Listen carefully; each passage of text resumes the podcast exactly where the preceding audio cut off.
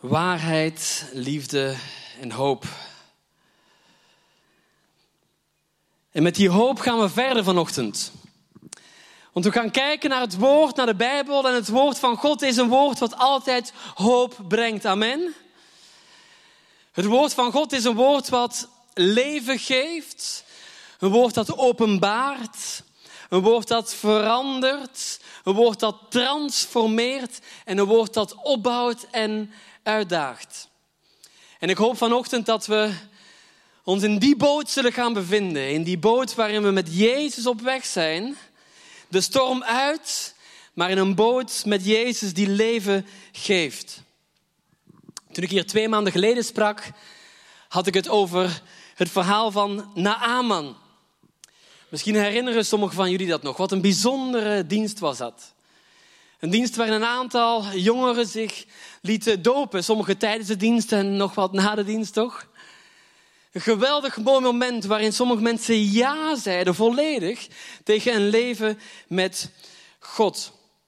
En vanochtend gaan we hierop door. Ik geloof, en dat merkte ik in mijn voorbereiding, dat dat verhaal nog niet helemaal klaar was.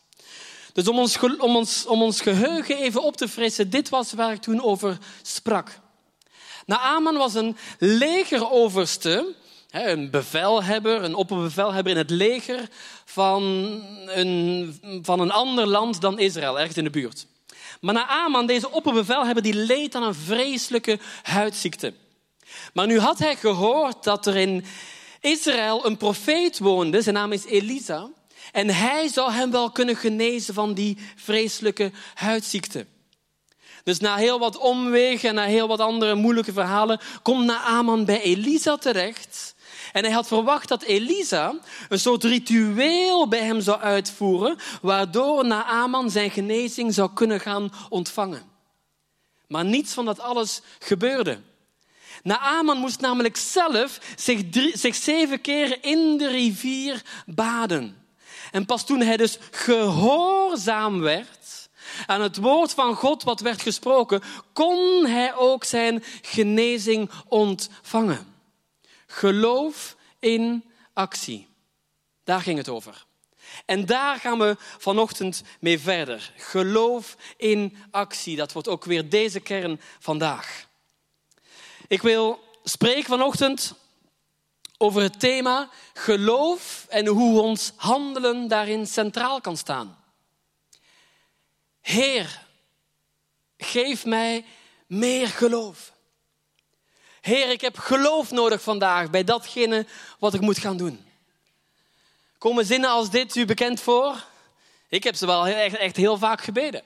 Ik heb ze ook door andere mensen horen bidden. Er is ook helemaal niets mis mee met het vragen aan God om meer geloof. Ik geloof zeker ook dat er momenten zijn in ons leven waarin we God om meer geloof kunnen vragen en waarin Hij ons absoluut meer geloof zal geven. Maar algemeen geloof ik, geloof ik, algemeen geloof ik dat geloof verbonden is aan een actie en aan ons verstand en ons denken.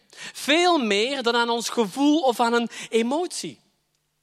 En wij leven vandaag de dag in een tijd en in een generatie waarin gevoel en emotie ontzettend belangrijk is. Herkennen we dat?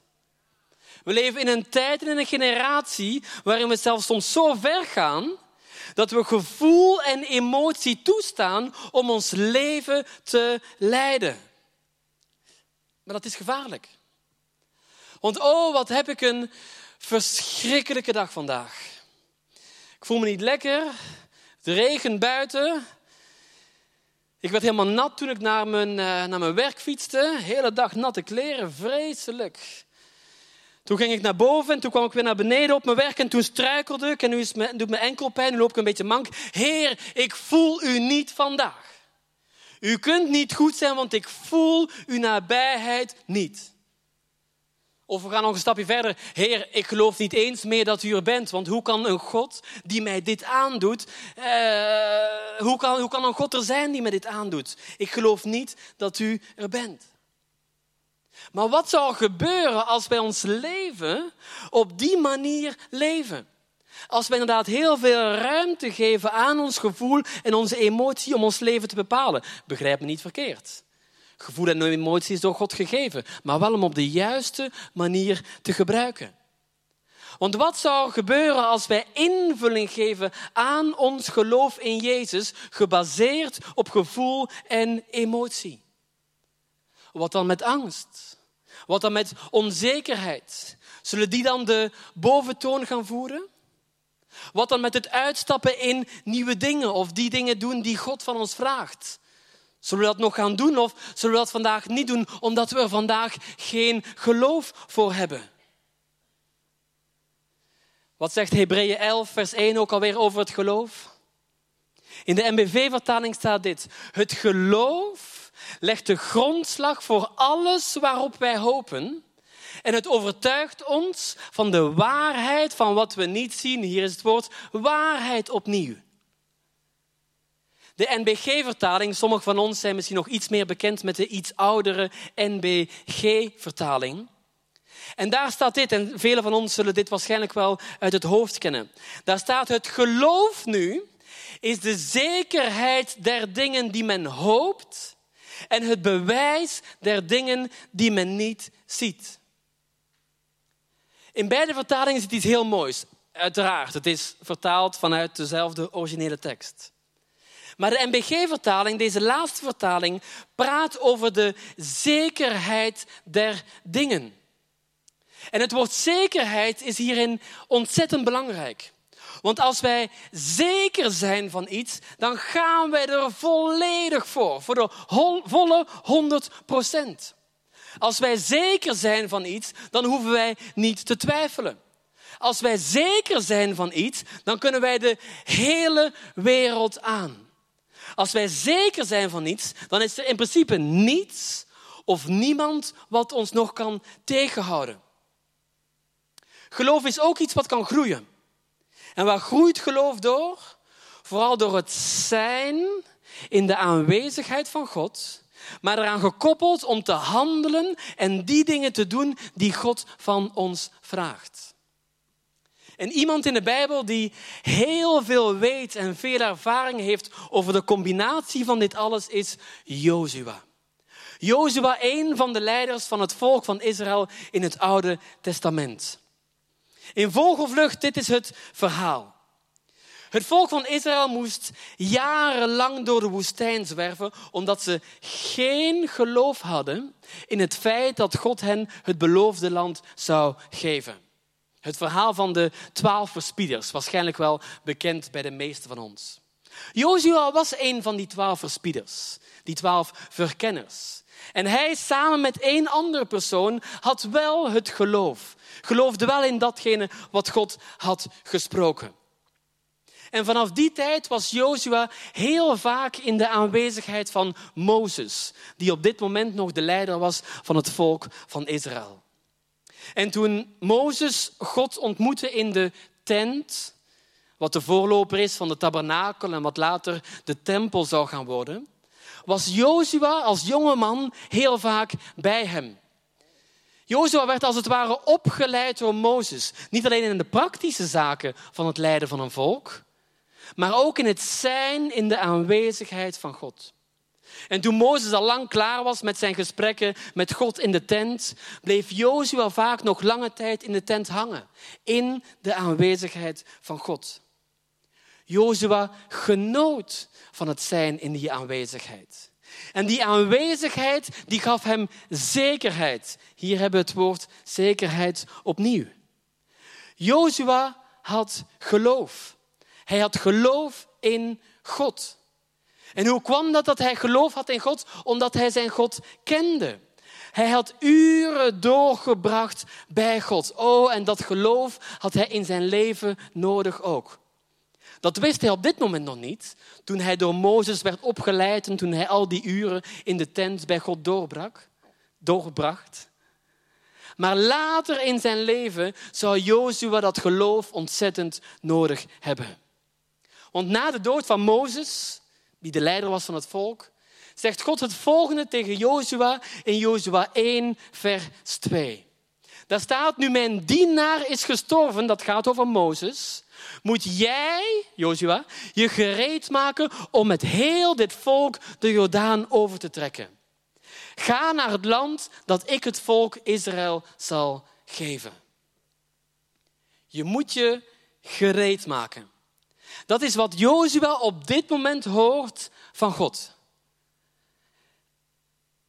Ik heb vaker zendingsreizen gedaan en, en, en geleid, hè, uiteraard bij mijn werk binnen Jeugd met een opdracht. En dan gaan we naar een ander land of naar een andere plek. Soms ver weg, soms dichtbij. En dan nemen we een team mee van ongeveer 8 tot 10, 12 mensen. En dan gaan we daar natuurlijk heen om, om Jezus te brengen, het evangelie te brengen.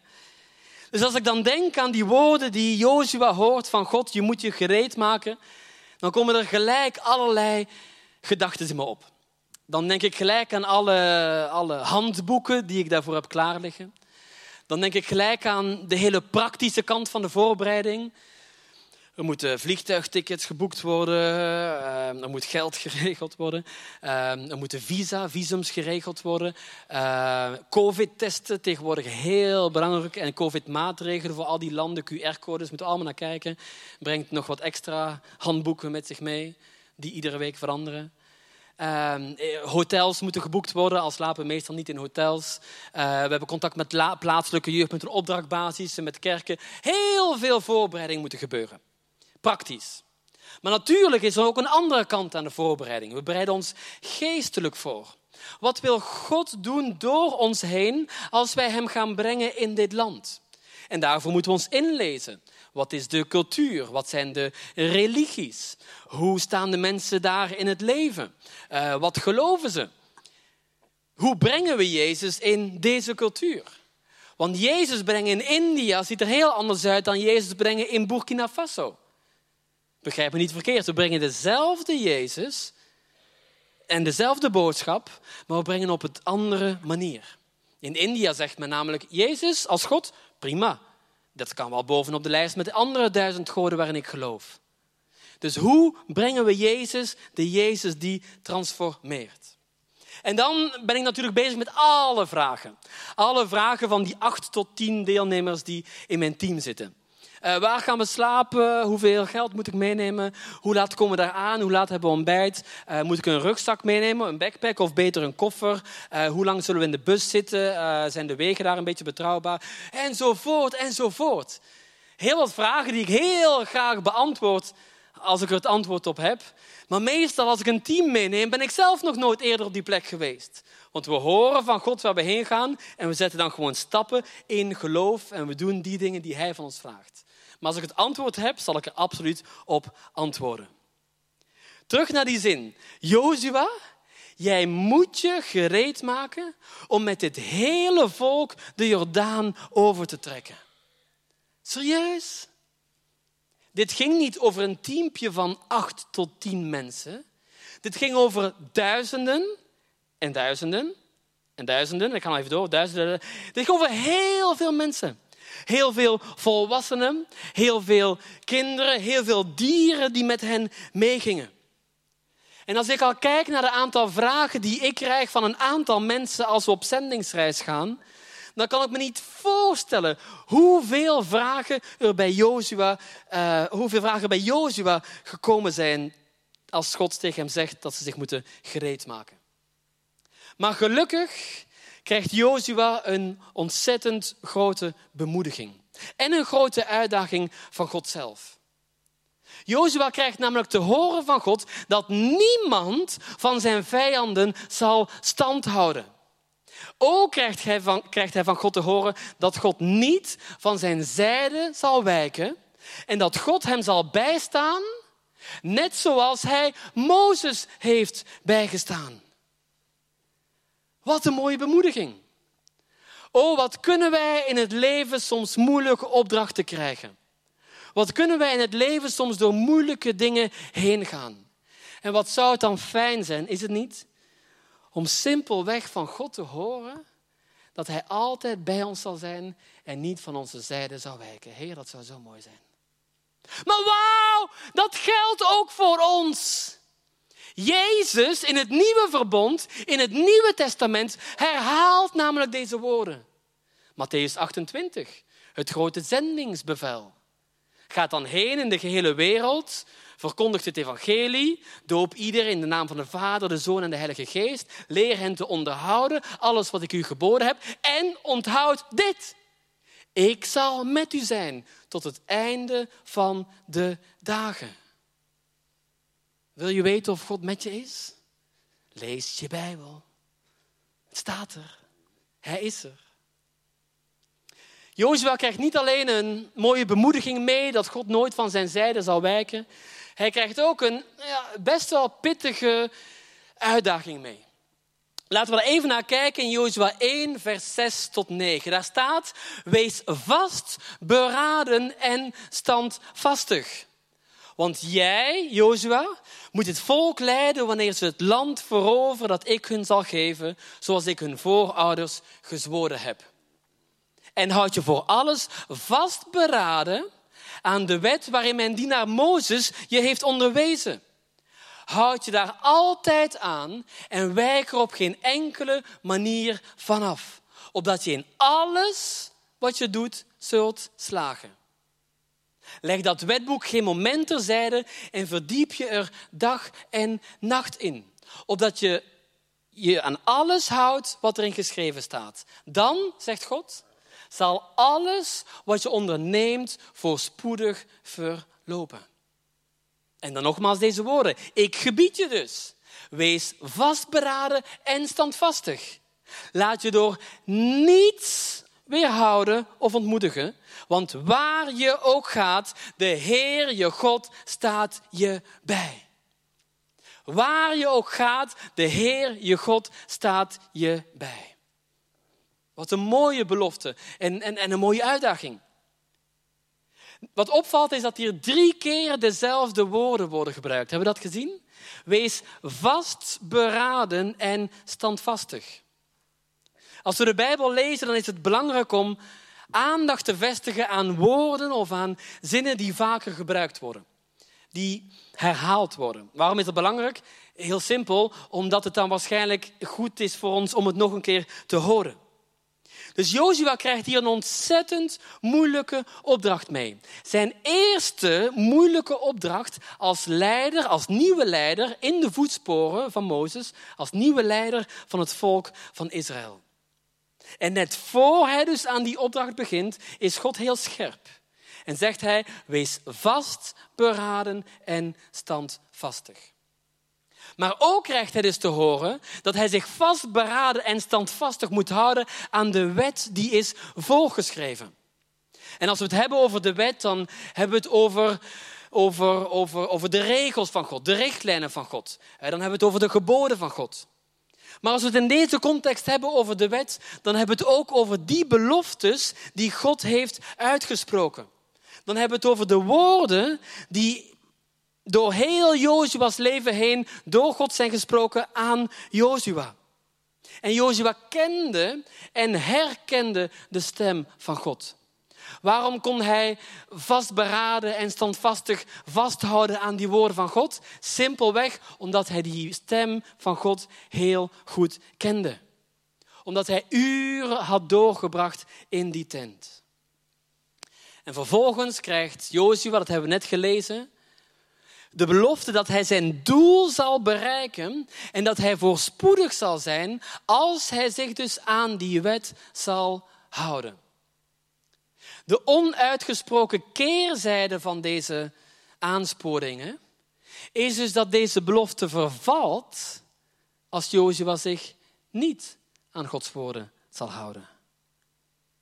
En dan uiteindelijk, hebben we net gezien, krijgt Jozua een derde keer te horen dat hij standvastig en vastberaden moet zijn. Deze keer als een soort bevel. God stelt een eis. Maar als God een eis stelt en een bevel geeft en een opdracht geeft, dan zal hij er ook altijd voor zorgen dat datgene voorradig is wat nodig is. Jozua hoeft niet te twijfelen. Jozua hoeft niet te sidderen en te beven. Jozua hoeft niet verschrikt te zijn, want de Heer zijn God voegt er automatisch en, en, en onmiddellijk aan toe dat hij overal met hem zal zijn. Hij is verzekerd van Gods nabijheid. En vervolgens, het verhaal gaat door, vervolgens geeft Jozua de schrijvers een opdracht om door het volk, door het volk, door het volk te gaan met een boodschap. Wat zijn schrijvers? De schrijvers in het Oude Testament dat zijn een soort ambtenaren. Dat zijn diegenen die ervoor zorgen dat de regels en de richtlijnen aan de rest van het volk verkondigd worden. We hebben het gehad over duizenden mensen. Er was in die tijd nog geen groepschat of Instagram of Facebook Messenger, waar al die duizenden mensen in zaten. Er zat ook geen microfoon of geen grote speaker. Uh, nee, dus er waren schrijvers en die moesten dan door het hele volk, door het hele volk gaan en de boodschap verder verkondigen. En dit was de boodschap die ze moesten brengen. Ze moesten zeggen tegen het volk: maak je gereed, zorg voor genoeg eten, want over drie dagen zullen wij de Jordaan oversteken en zullen we het beloofde land innemen. Van Israël wordt hij dus gevraagd om te vertrouwen op Gods beloftes. Want God had hen al lang, heel wat jaren geleden, beloofd dat hij hen het beloofde land zou gaan geven.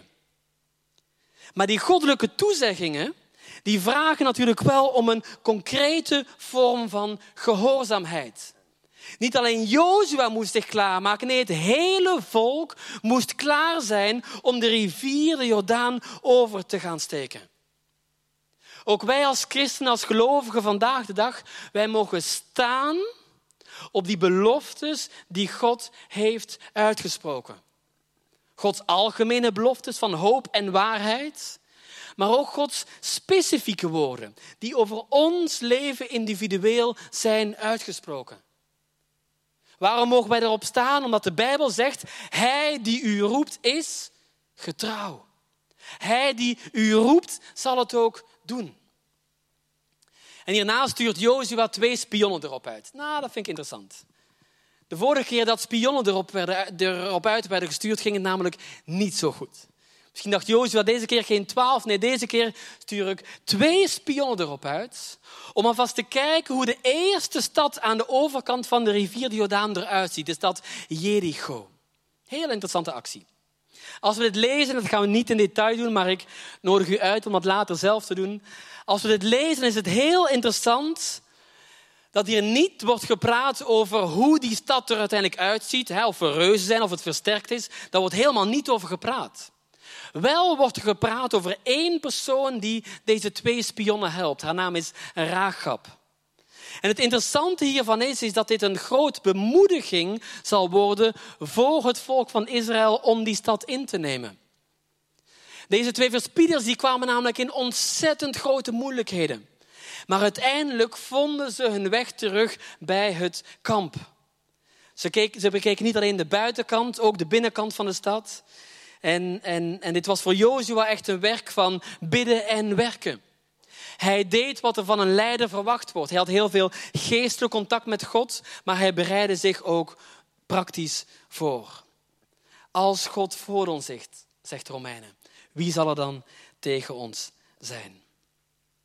En zo gebeurt het dat Jozua uiteindelijk met het hele volk wegtrekt en bij die rivier de Jordaan aankomt. Waar ze nog drie dagen verblijven en dan zullen ze gaan oversteken. Dus opnieuw krijgen die schrijvers, die ambtenaren, een boodschap van Jozua om het kamp door te gaan. En deze keer is dit hun boodschap. Deze keer zeggen ze in Jozua 3, vers 3 tot 4, wanneer u de Levitische priesters de ark van het verbond met de Heer uw God ziet dragen, dan moet u het kamp opbreken en de ark volgen. Maar staat er, blijf op grote afstand, ongeveer 2000 el, dat is ongeveer een kilometer. Kom niet dichterbij. Dan kunt u zien welke weg u moet volgen, want u bent hier nog nooit eerder geweest. Lekker praktisch, toch? Nooit eerder geweest, dus even een richtingaanwijzer. Oké? Het bericht was dus dat ze hun ogen open moesten houden. Het bericht was dat ze zich moesten focussen en kijken naar wanneer die Levitische priesters met de ark van God het kamp door zouden gaan. Met andere woorden, zij moesten hun blik gericht houden op God, want dat is wat de ark voorstelde, de aanwezigheid van God. En als God in beweging kwam, dan moest de rest van het kamp ook in beweging komen. Jozua als leider van het volk, hij wist wat het was om zijn blik gericht te houden op God. Maar deze keer dacht hij het hele volk van Israël uit om datzelfde te doen. En dan komt een klein zinnetje tussendoor, dan staat er ook dat ze zich moeten heiligen, want dat ze getuigen zullen zijn van het wonder dat God zal gaan doen in hun midden. Een heel klein zinnetje, maar zo belangrijk. Want heiligen betekent klaarmaken. Op heel veel verschillende gebieden. Zorgen dat er niets meer zit tussen ons en God. Of tussen ons en andere mensen. Zorgen dat we die dingen die nog tussen ons en God staan, terug aan Hem geven. Zondes, twijfels, ongeloof. Maar ook betekent heilige dat we ons praktisch klaarmaken. En dat we vol verwachting, dan vond ik mooi dat we vanochtend deze dienst begonnen met het woord verwachting, dat we vol verwachting uitkijken naar die wonderen die God in hen midden zal gaan doen. Oh, ik, ik hou van verwachting. En ja, we kunnen teleurgesteld raken als we, als, we, als we verwachtingen hebben. Maar God wil zijn wonderen nog steeds doen vandaag de dag. En dan gebeurt het in het verhaal. Als ik kon trommelen, dan zou ik nu wat tromgeroffel laten horen. Want het grote moment is eindelijk aangebroken. Jozua geeft de priesters de opdracht om de ark te tillen en om voor het volk uit te gaan. En dat deden ze. Met andere woorden, de aanwezigheid van God gaat voor het volk uit. En oh, Jozua is zo gefocust. Hij is de hele tijd in gesprek met God. Hij leidt een outreach, een zendingsreis van duizenden mensen. Maar hij is ook zo gefocust op het verstaan van de stem van God. En dan zegt God tegen hem dat de priesters, zodra ze bij de rivier de Jordaan zijn aangekomen, in het water moeten gaan staan. En hier komen we weer bij de kern. Geloof in actie. Geloven en handelen. Nog voor ze ook maar op dit moment één wonder van God gezien hebben, nog voor ook maar één druppel van het water van de Jordaan de andere kant is opgegaan, nog voor ook maar ergens een dam is gebouwd zodat het water niet dichterbij komt, wordt er naar een handeling, een actie gevraagd. God heeft gesproken door Jozua, dat komt bij de priesters, en de priesters moeten letterlijk met hun voeten in de Jordaan gaan staan.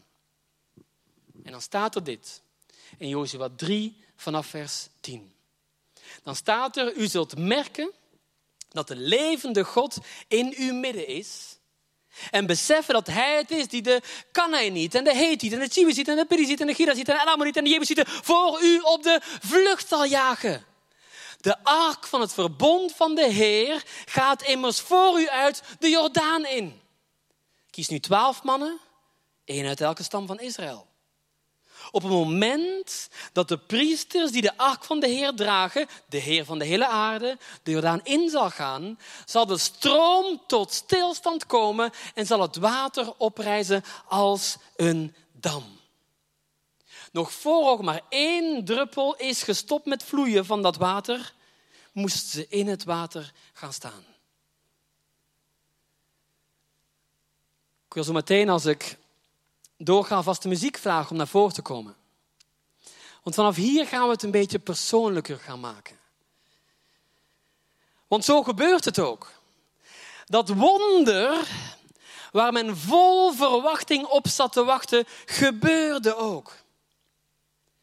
Dus het volk had het kamp opgebroken. Tenten ingepakt, allemaal tentstokken, slaapzakken in van, die, in van die tasjes gepropt, weet je wel. Onder je backpack gebonden.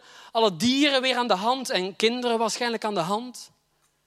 En zodra de priesters die bij de Jordaan kwamen, in de Jordaan gaan en hun water omspoeld werd met water, zo staat er letterlijk, vormde het water een dam.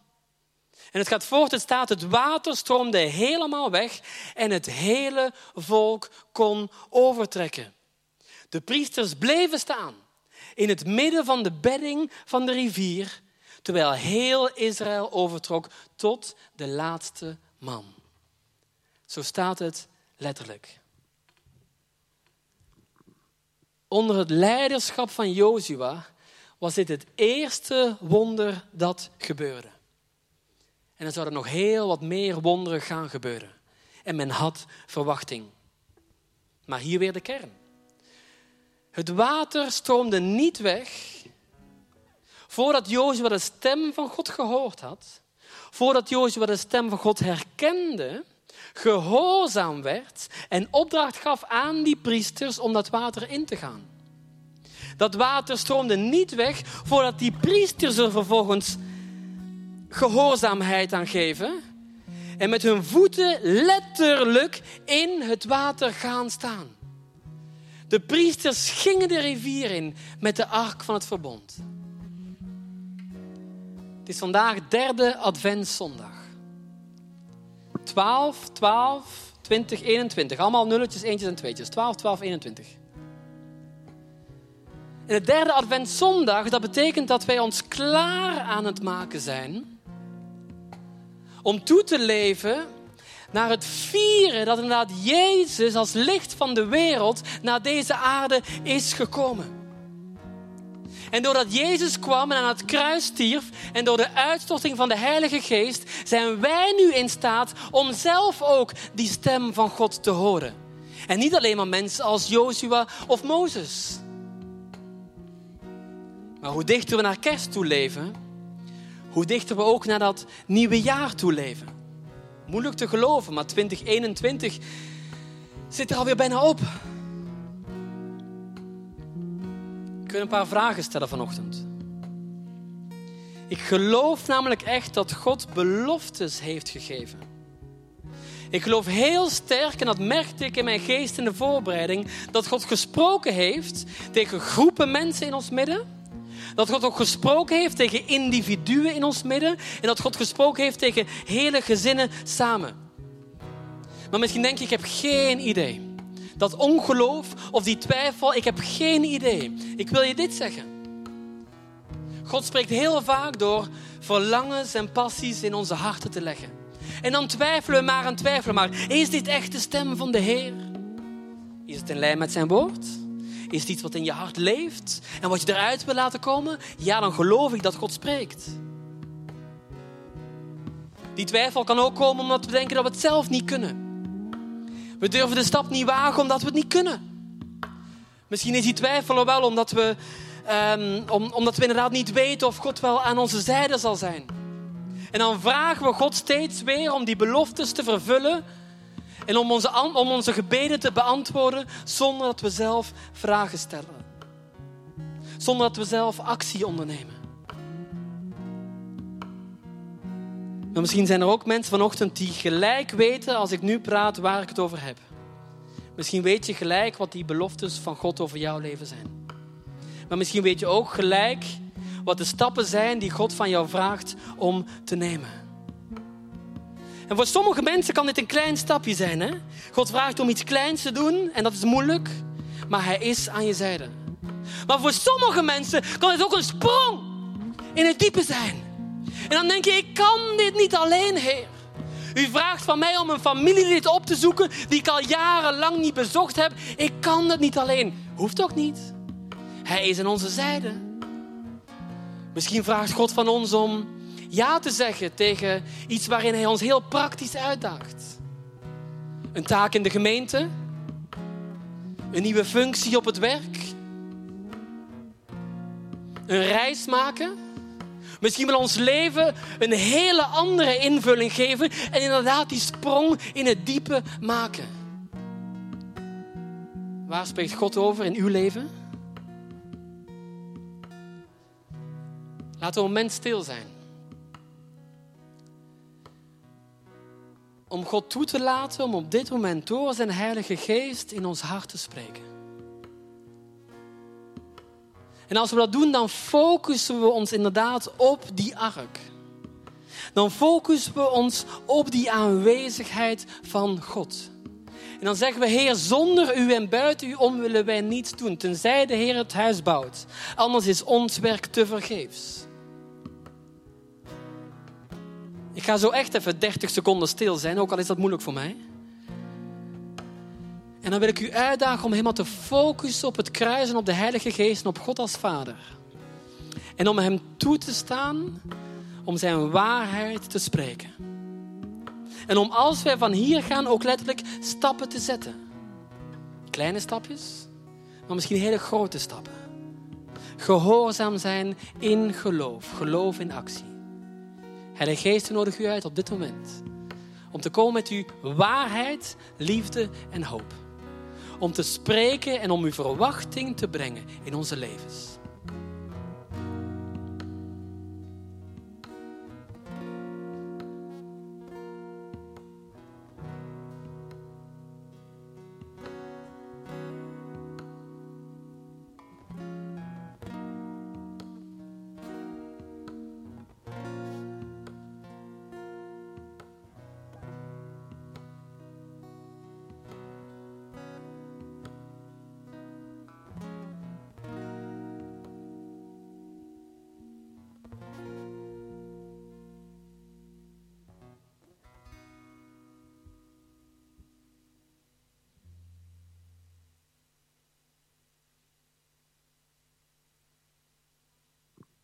Heer, datgene wat u spreekt, geef ook gelijk weer aan u terug.